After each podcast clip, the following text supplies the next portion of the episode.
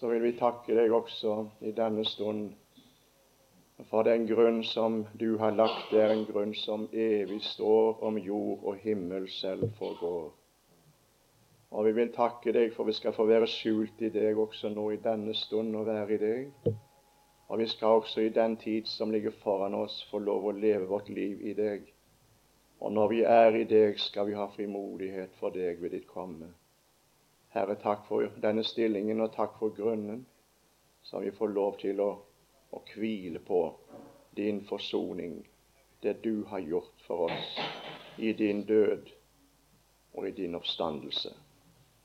Herre, nå vil vi be også om nåde til å få se deg i denne time, og bli enda mer fast i vår tro og tillit til deg. Det ber jeg om i Jesu navn. Amen. Vi skal nå fortsette å tale litt om det vi avslutta med i formiddag.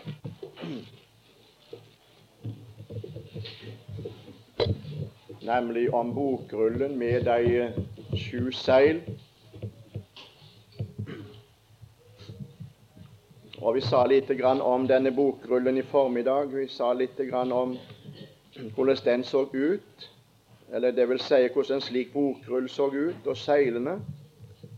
Og Vi sa det at det var ikke noe om innholdet. Vi kunne ikke lese det i Bibelen om innholdet, men vi kunne forstå hva innholdet var når det at det skjedde det ene etter det andre, som vi finner i kapittel 6.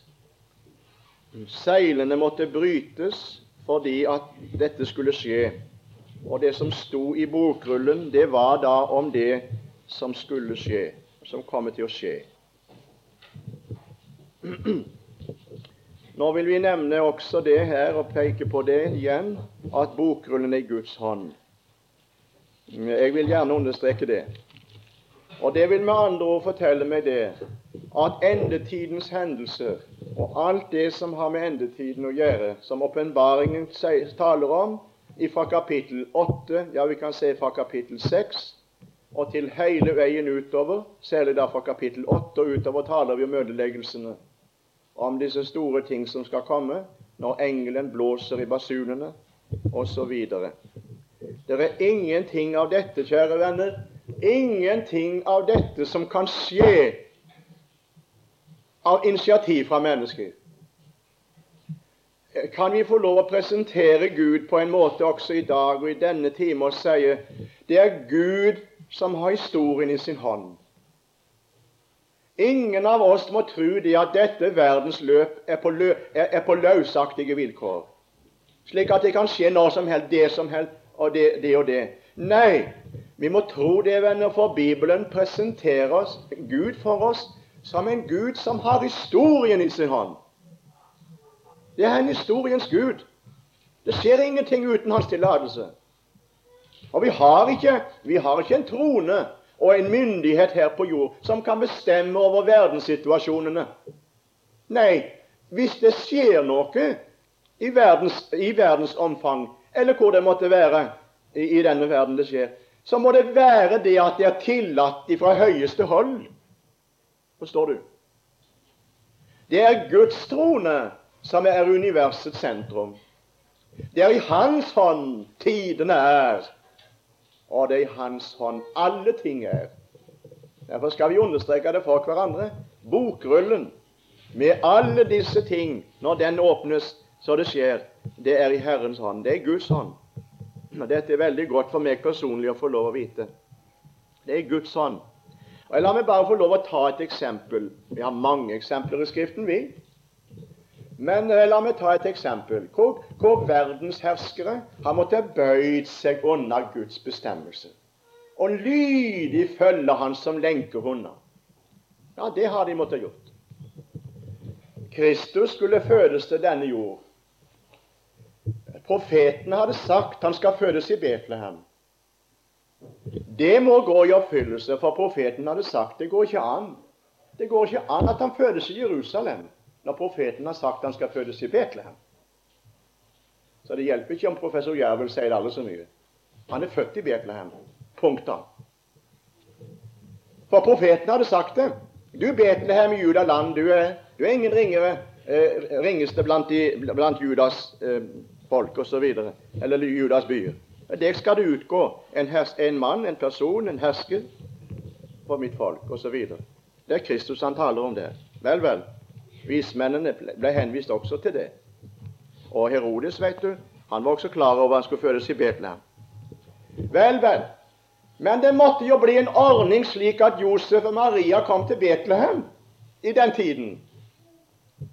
Hva gjorde Gud da for å fullbyrde sin, sine profeters ord i tiden? Hva gjorde han? Han kviskra det i øra på keiser Augustus. Og så sa han nå får du gå, kar. Nå får du ordne det slik. Sett i gang manntall. Sett i gang manntall over hele verden. Nå ser du. Nå har du én ting å gjøre, og det er å lyde. Sett i gang manntall over hele verden, slik at Josef og Maria kommer til Betlehem. Ja, ja. Er det, er, er det, er det på lykke og fromme det hele skjer? Nei.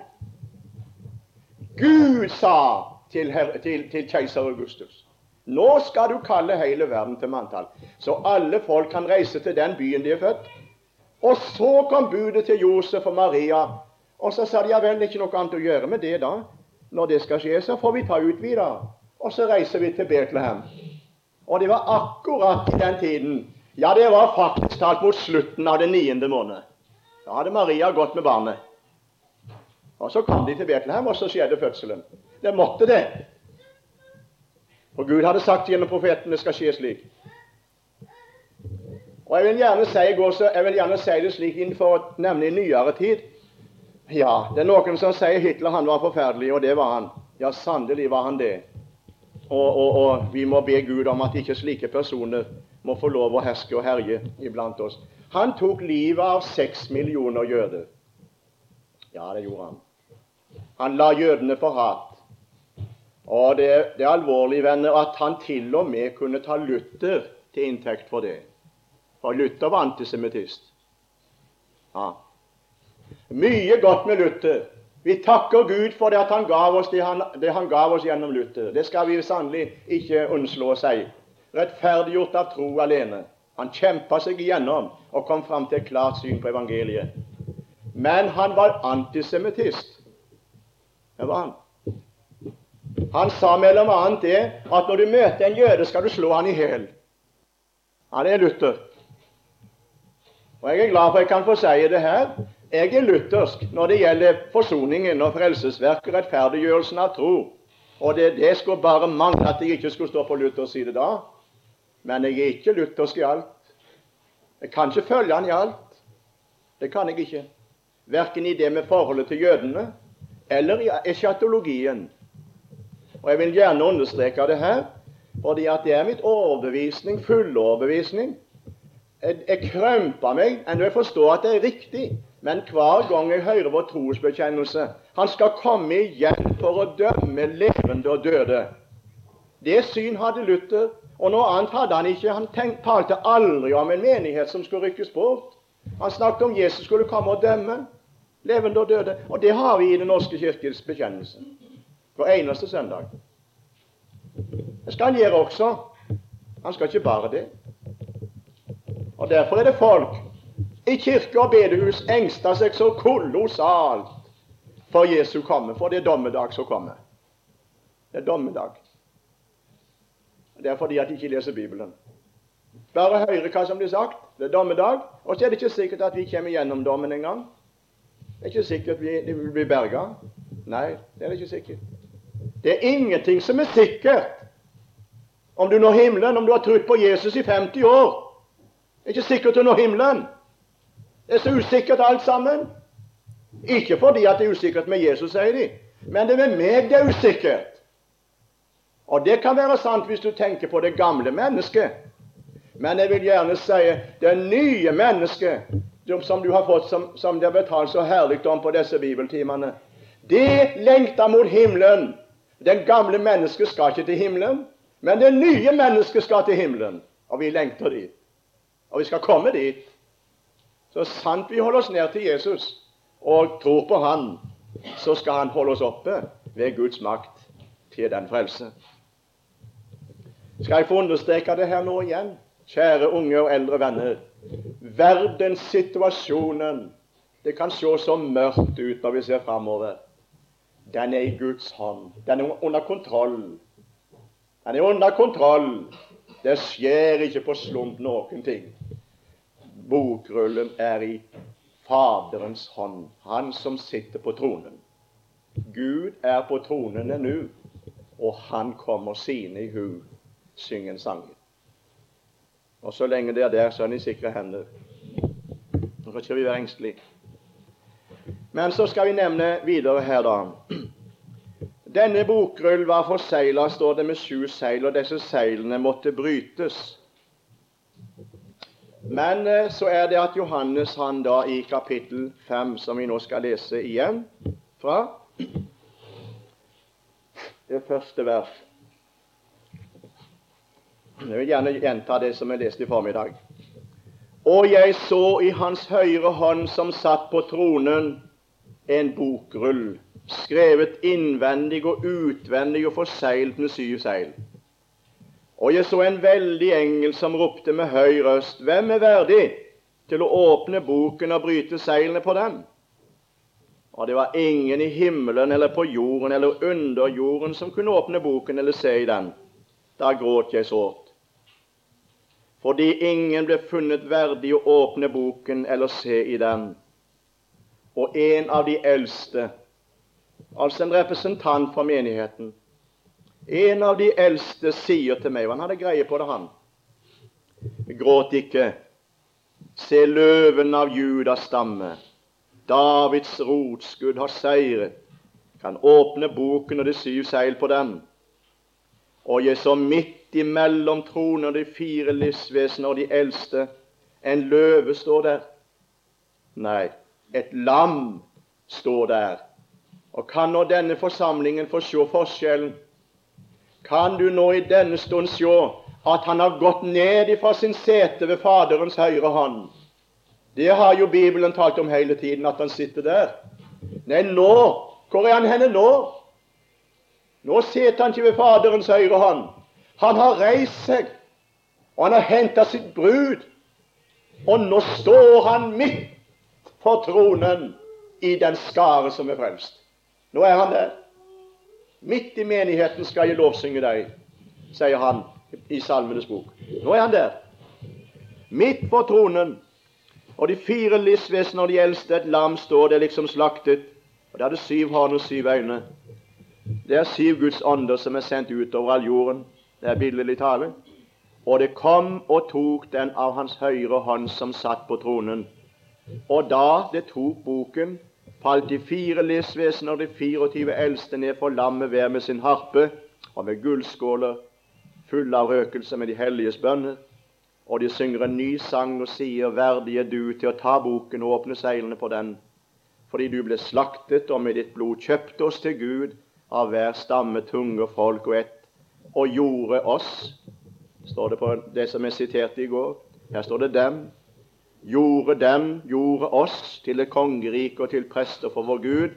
Og de, også som vi siterte i går, vi, vi skal være konger på jorden. Det er menigheten som synger slik.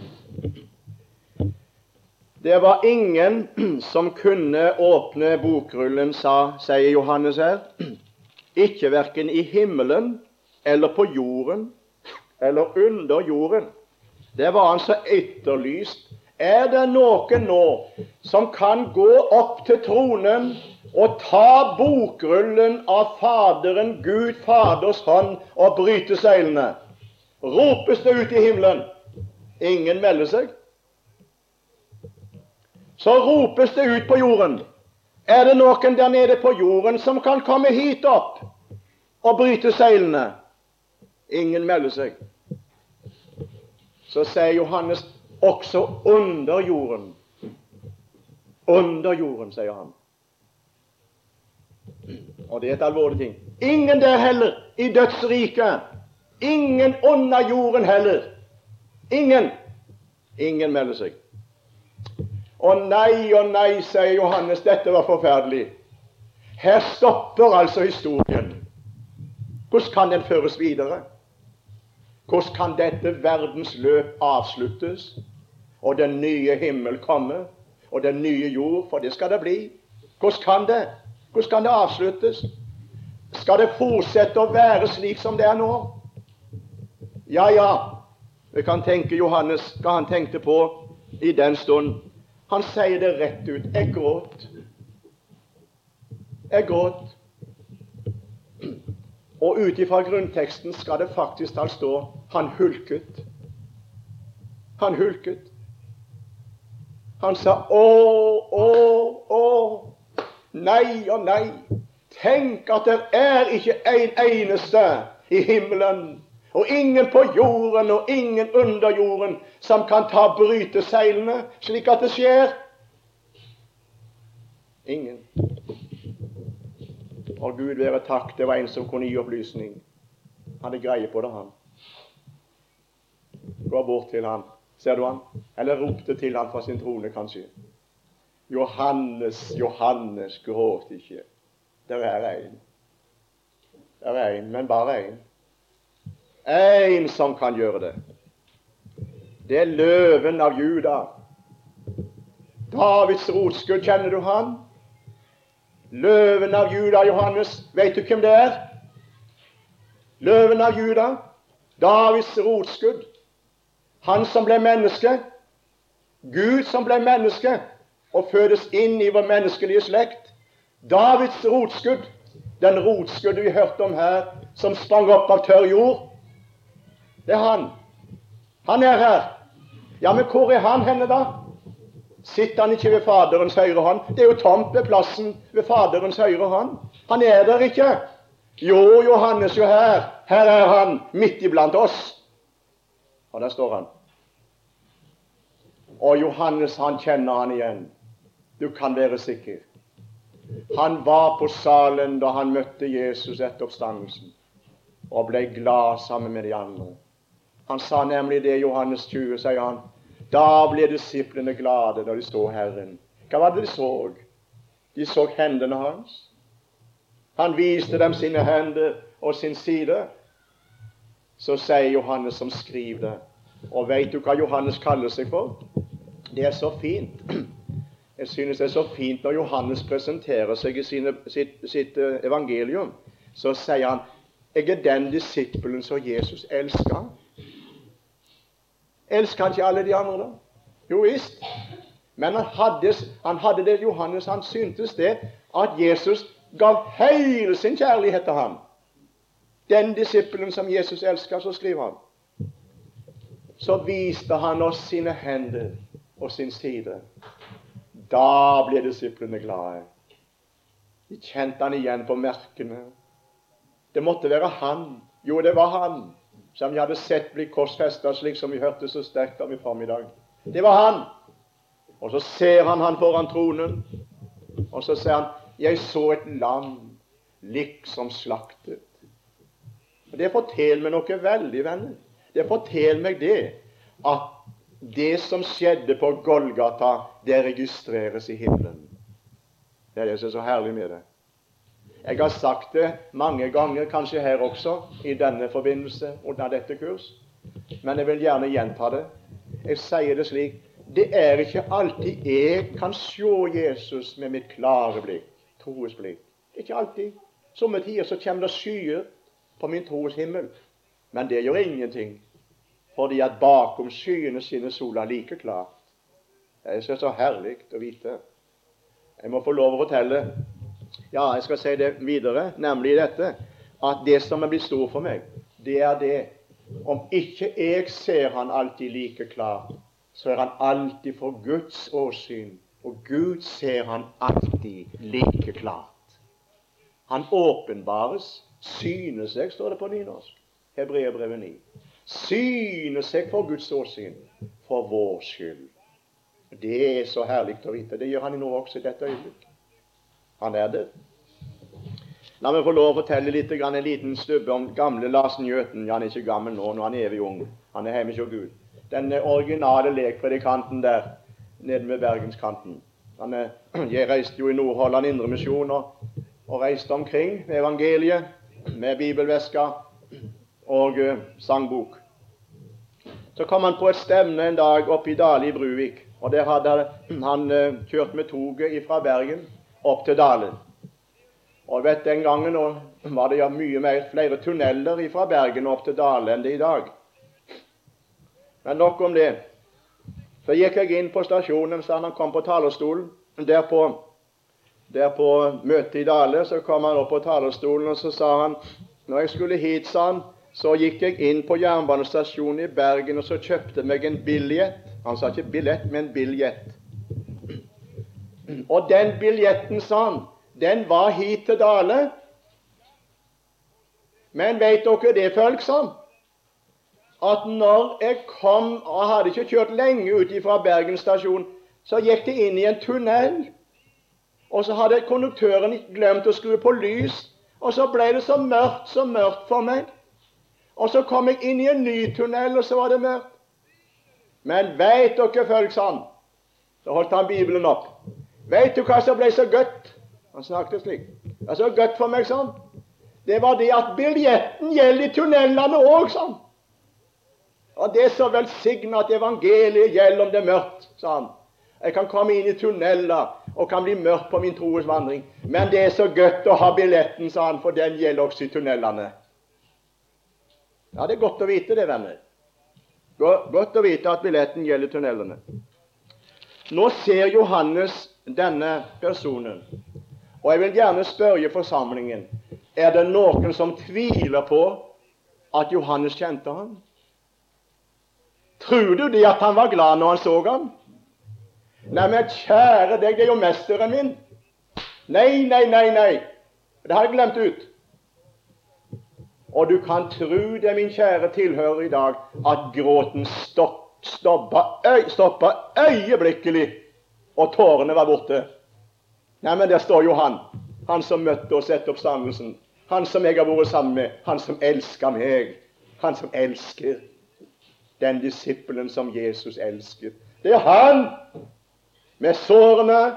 Han står der liksom slaktet. Det betyr det er forsoneren, stedfortrederen, frelseren min, den seirende, den oppstandende, den levende. Han jeg tilhører. Det er han. Han står der. Og han, sies den eldste, han, han er verdig. Han kan bryte seilene og åpne boken. Det er godt å vite at han står der. Ikke nå. Han står der ikke ennå. Nå sitter han ved Faderens høyre hånd. Men når han har hentet, skal hente hjem sin brud Vi hørte her i formiddag at han reiste seg når, når, når, når Stefanus ble steina. Da reiste han seg og sto. Og han har gjort det sikkert mange ganger siden. Det tror jeg. Når noen av blodvitnene skulle inn gjennom porten, da reiste han seg og gikk til møtes med de omfavnede. dem. Kan hende det. Det var noe veldig stort. Fru Sandvold hun, hun, døde for ikke så mange år siden. Hun lå på sykehuset inne i Odda, fruen til rektor Sandvold på Framnes. Hun er ikke Gud når han også, vet dere. Men hun sa det når hun lå der på sitt dødsleie. Det er ingen engel som kommer, sa hun. Det er Jesus sjøl. Hun satt i senga, for hun kunne ikke ligge.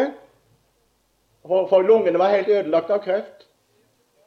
Og så, så sa hun det i siste øyeblikk, før hun datt bakover og var ferdig, og anda ut. Det er ikke engel som kommer, men det er Jesus sjøl. Ja, det har hendt det, du. Det er Jesus sjøl som kommer, sa hun.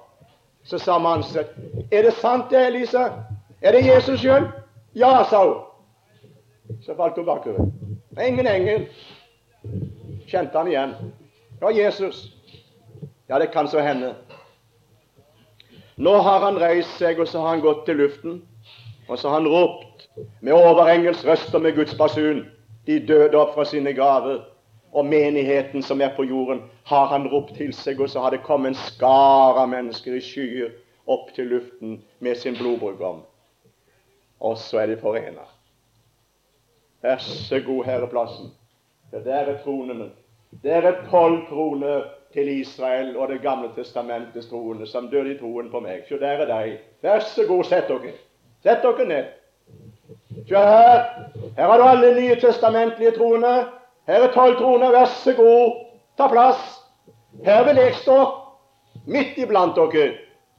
Så vender han seg mot Gud, og så sier han, Lovet være deg Fader i himmelen, som gav meg denne flokken. Jeg vil prise deg midt i menigheten, vil jeg love deg. Ja, da, da er det sang i himmelen, du. Da skal Jesus synge. Lovsynge Gud. Vel, vi må gå videre. Hvem er det som kan åpne boken, og hva er det som gjør at Jesus kan gjøre det og bryte seilen? Ingen annen kan det enn han. Her vil jeg nevne tre ting. Den som skal åpne og bryte seilene og åpne boken som er i Guds hånd, han må være verdig til det. Verdig. Er det ingen som er verdig i himmelen? Er ikke overengelen Mikael verdig? Er ikke Gabriel verdig? Er ikke en av de andre himmelske vesener verdig? Er det ingen i himmelen som er verdig til å bryte seilene? Og ingen på jord? Og nå skal jeg bare få lov å bruke, bruke slike navn som dere sikkert kjenner alle sammen. Jeg tenker på personer som har stått fram som de mest lysende åndelige skikkelser i verden og på vår jord. Jeg kunne nevnt navn. Ikke han, var ikke han verdig da? Kunne du ikke rope han til deg og bli han? Og han kommer fram til tronen og tar bokrullen og bryter seilene. Nei, ingen er verdig. Finnes ingen. Og hva betyr det da, venner, å være verdig? Hva betyr det å være verdig? Betyr det å være skikka? Nei, det er ingen som er skikka. Betyr det å være utkåra? Og, og, betyr det å være funnet dyktig makt til å gjøre dette? Verdig? Jeg tror ikke noe av det delen. Ennå disse ting kan sies om Jesus. Han har både makt, og han er utkåret av Gud. Men når det gjelder verdighet, venner Og nå er jeg så veldig glad for disse bibeltimene som min kjære broder har hatt her. Jeg er så glad for det. Og jeg reiser fra dette kurset med glede i mitt hjerte over klare toner om forsoningen og frelsen i Jesus, utløsningen. Venner, det er bare én som er verdig. Hvorfor er han det? For han har et plettløst liv. Det finnes ingenting å sette fingeren på. Ingenting. Han er fullkommen, hellig, og rettferdig og ulastelig. Det er bare én slik. Ingen annen. Og den som er verdig, er ikke verdig på grunn av dette at han har gjort det mange ting uh, slik i et menneskeliv heller. Ingen kan bli verdig innenfor Gud. Ingen, ingen er verdig. Alle er uverdige. Og hvis vi skal bli verdige for Gud, venner, må vi bli det på hans bekostning. Det er han som gjør oss verdige. Ingen annen. Det er bare én som er verdig. Det er én som har et liv han kan vise fram, både jord på jord og i himmelen, som det ikke finnes den eneste plett på. Han er fullkommen. Derfor er han verdig. Og jeg synes det er så vidunderlig, venner, at Jesus gjør meg verdig til å ha samfunn med Gud og nå himmelen på hans, på Jesus hans sønns bekostning. Nå vil jeg sitere Rosenius. Jeg kan lese en del av ham. Han har hjulpet meg veldig mye når det gjaldt min første tid til å komme gjennom til klarheten og syn i evangeliet, forsoningen og frelsen. Skal du høre, du må nesten holde deg fast i benken. For så veldig synes jeg han, han uttrykker det. Når han taler om rettferdiggjørelsen, så sier han hva er rettferdiggjørelse? Så svarer han alt det Jesus var og er, gjorde og gjør, blir tilregnet synderen som tror evangeliet, som om synderen var og er, gjorde og gjør alt det Jesus var og er, gjorde og gjør. Ja, det er frelse. Kan du tenke deg jeg som er så uverdig, jeg som er så syndig og urein i min tanke og i mitt gamle vesen, ved, ved troen på Kristus Jesus, blir jeg fratatt det hele innenfor Gud og tilregna og ikledd Kristus. Så Gud ser meg i Kristus. Og jeg som står her på denne, denne talerstol, dere ser meg her, og dere vet vel kanskje lite om mitt liv.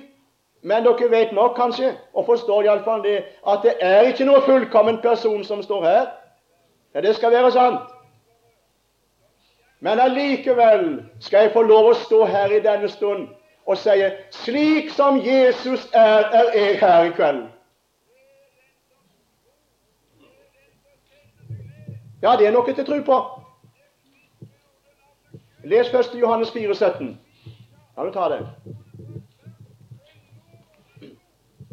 Johannes 1. Johannes 4, 17. Les også siste del av 1. Korinter 15. Og jeg tror du tar tid til det. Hva står det i 1. Johannes 4, 17? Vi har sitert det her før. Bjerkreim har sitert det. I dette er kjærligheten blitt fullkommen hos oss, at vi har frimodighet på dommens dag. Og så begrunner han det. For like som Og nå må du, må du se det.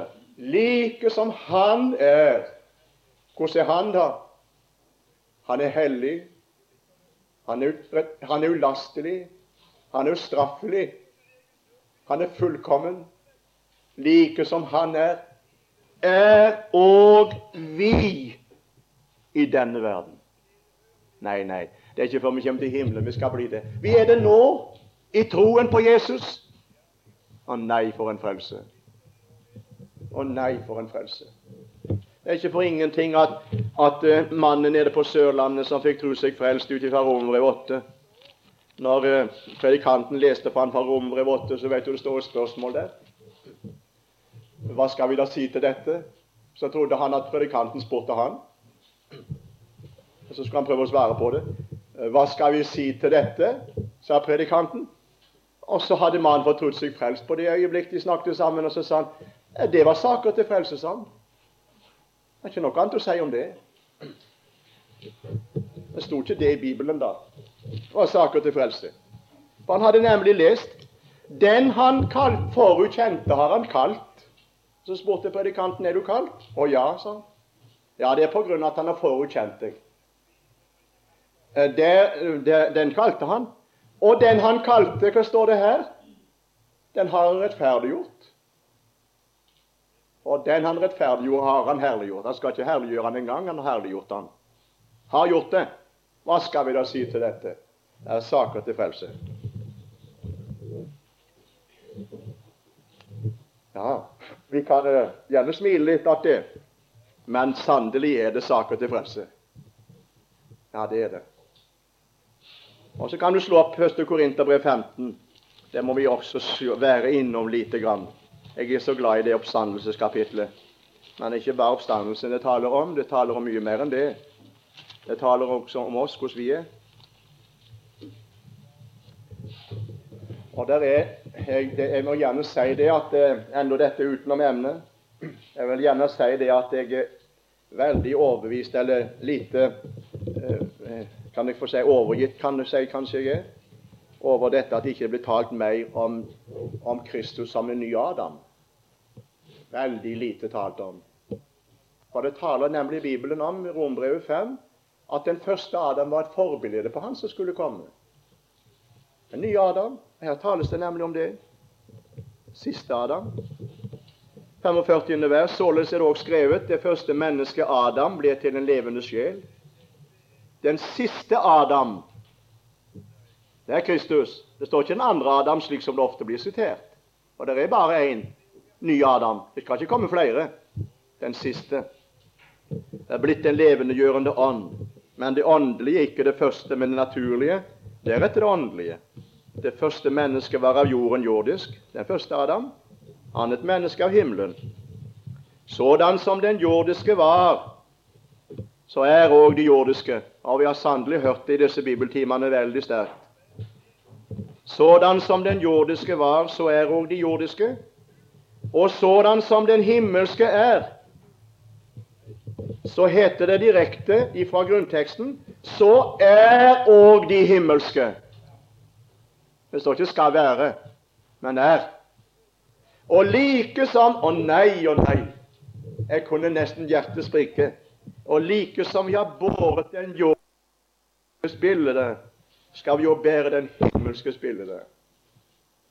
Nei, Kan du forstå det, da, kjære venner? Kan du forstå det, Anders Lie? At du skal bli lik Jesus en dag? Du skal bære hans bilde fullstendig. Bare én ting som skal mangle i oss når vi kommer til himmelen. Vi skal være så totalt lik, lik Jesus, både sinn og skinn, men ikke merkene. Ingen merker. Ingen merker. Har du mistet en hånd? Den skal være på plass. Har du mistet en del av kroppen ellers noe annet? Det skal være fullkomment på plass. Ingen merker etter sykdom og nød. Men Jesus bærer merkene, og det skal være gjenstand for tilbedelse. Vi skal ta på deg, og vi skal, vi skal kysse hans naglemerkede hender. Kan du være sikker på. Jeg vil gjøre det iallfall. Og jeg tror mange skal gjøre det med meg. Det er bare han som bærer merkene. Lammet som er slaktet. Bare han. Men like som han er, så er vi. Du er ikke verdig, men han er verdig. Og din, hans verdighet, det blir din verdighet ved troen på Jesus. Men Det andre jeg vil gjerne understreke det her. Den må være verdig, og vi skal understreke det, fordi at han ble slaktet. Nettopp derfor. Jeg så et lam liksom slaktet, derfor er han verdig. Men så kommer det andre også, og det vil jeg også understreke. Den som skal bryte seilene og åpne bokrullen, han må seire over hele linja. Ja, det er ikke underlig at det står det var ingen på jorden. Er det noen som har seira over alle salighetsfiender? Er det en som har avvæpna makten og myndigheten og stilt dem åpenlyst til skue? Er det noen? Ingen på jorden. Ingen under jorden. Ingen i himmelen. Jo, stopp. Lammet har seiret. Han har seiret. Og det er det vidunderlige når det står her Lammet, løven av Juda. Lammet innenfor Gud, det slaktede lam, forsoneren, har vunnet over alle fiender. Ovenfor fiendene er han en løve som tar sitt bytte. Ovenfor Gud som forsoner, er han lammet som lar seg føre til slakterbenken og ikke åpner sin munn. Men ovenfor Satan er ikke han et lam. Det må ingen tro. Ovenfor ondskapens ånde her er det løven av Juda som tar sitt bytte. Og hvem kan gå utenom hans, hans makt når han griper til og slår til? Det så så fatteslig ut på Golgata. Det så ut som om helvete hadde vunnet. Det så ut som om Satan hadde fått nådd sitt mål når han hadde fått han på korset. Og du kan være sikker, min kjære venn, at der på Golgata, der var det fullt av djevler. Du kan være sikker på at Satan var klar over viktig, hvor viktig dette punktet var. Men han visste ikke det som sangeren synger også. Opp på Golgatas dunkle høyde, mørkhetens fyrste til fektning dro. Kom, o synder, betrakt rett nøye hvem der har utgitt sitt hjerteblod. Å, jeg bever av skrekk må klage, pilen i frelserhjertet gikk. Straks den vendte derfra og tilbake, mørkhetens fyrste sitt dødsår fikk. Det var han ikke klar over. Og det er underlig, venner, at det går an å henge på et tre og vinne seier på den måten. Det er underlig. Det er så uforståelig for mennesketanke at en som blir ført til rette stedet, i sin dødsdom og i sin dødsstraff kan vinne over alle sine fiender. Men det var der det skjedde. Og det står nemlig i Kolossenserbrevet 2, vers 15 han avvæpnet maktene og myndighetene, stilte dem åpenlyst til skue idet han viste seg som seierherre over dem på korset. Og den seieren, kjære venner, den blir proklamert påskemorgen. Da står det her at han ved døden gjorde den til intet, står det i Hebreerbrevet 2, som hadde dødens velde. Det er djevelen og du vidunderlige frelse. Jo, han, han har muligheten til å bryte seilene, fordi han ble slaktet og vant seier i sin død på korset. Og nå står han opp, og så er han en levende frelser. Og så gjelder seieren i himmelen, og så er hans seier min seier. Det tredje og siste jeg må nevne her i dag Jeg skulle ha talt mye mer om dette, men nå er tiden gått. Den som skal vinne denne seieren, eller vi kan si bryte seilene og åpne boken, han må ikke bare ha et liv som er verdig og har vunnet seier, men han må ha et bevis. Et bevis for at han har seira og at han dermed er verdig. Har Jesus noe bevis? Er det noe han kan vise til og si det er resultatet? Her er resultatet? Nei, du, har han det?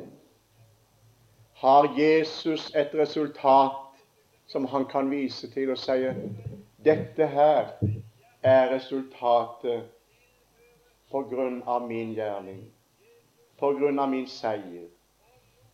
Her er resultatet. Jo, han har det, venner. Han har det. Og Nå skal du høre hva de synger om. Og de synger en ny sang og sier Verdig er du til å ta boken, åpne seilene for dem, på dem, fordi du ble slaktet, og med ditt blod kjøpt oss til Gud av hver stamme, folk og ett og tungemål, og gjorde oss til et kongerike og til prester for vår Gud.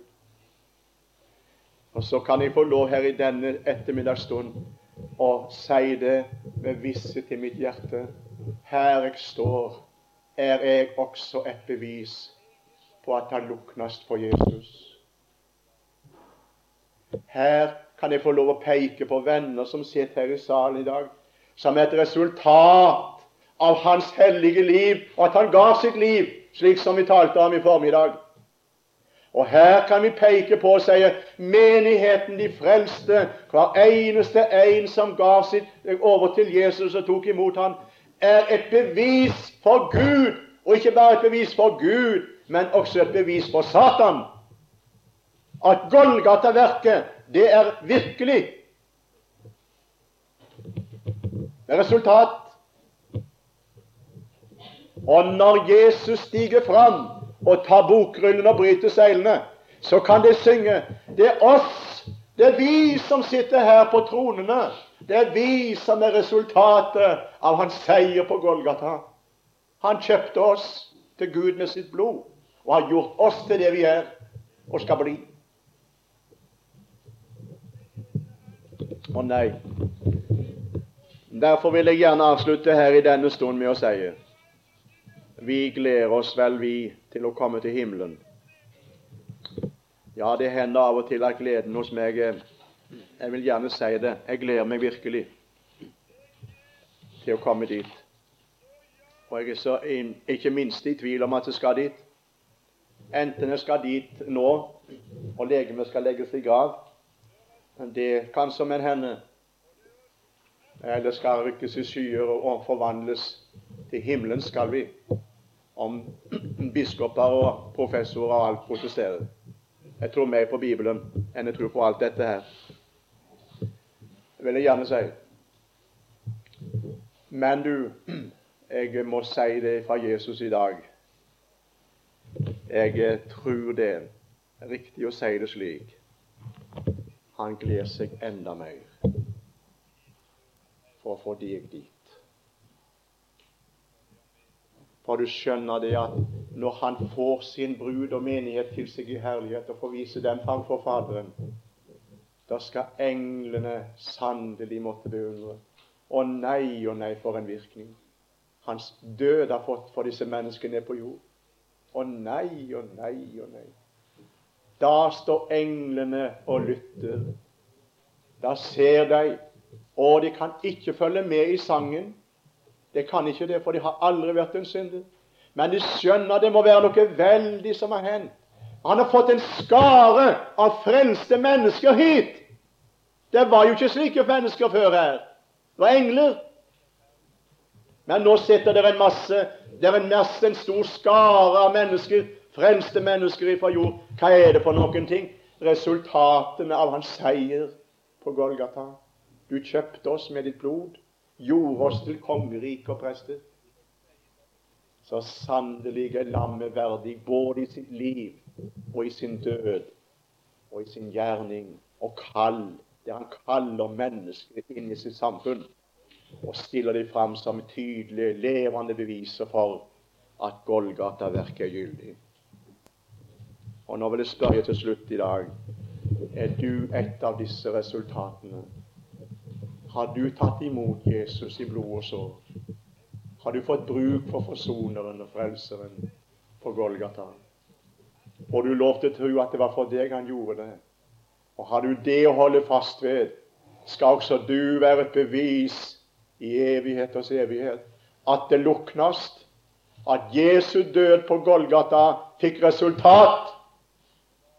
Og venner, den skare som ingen kan telle, av alle stammer og folk og etter og tungemål, som står i kapittel 7, er også et bevis gjennom hele evigheten på at Golgata-verket er sannelig effektivt. De synger de syng også de og taler om de tvetta sine kjortler og gjorde dem hvite i lammets blod. Derfor er de for Guds trone. Gud signe også oss til å se den skaren. Men vi skal, hit, skal til himmelen før den skaren, nemlig. Jeg vil gjerne få lov å si det.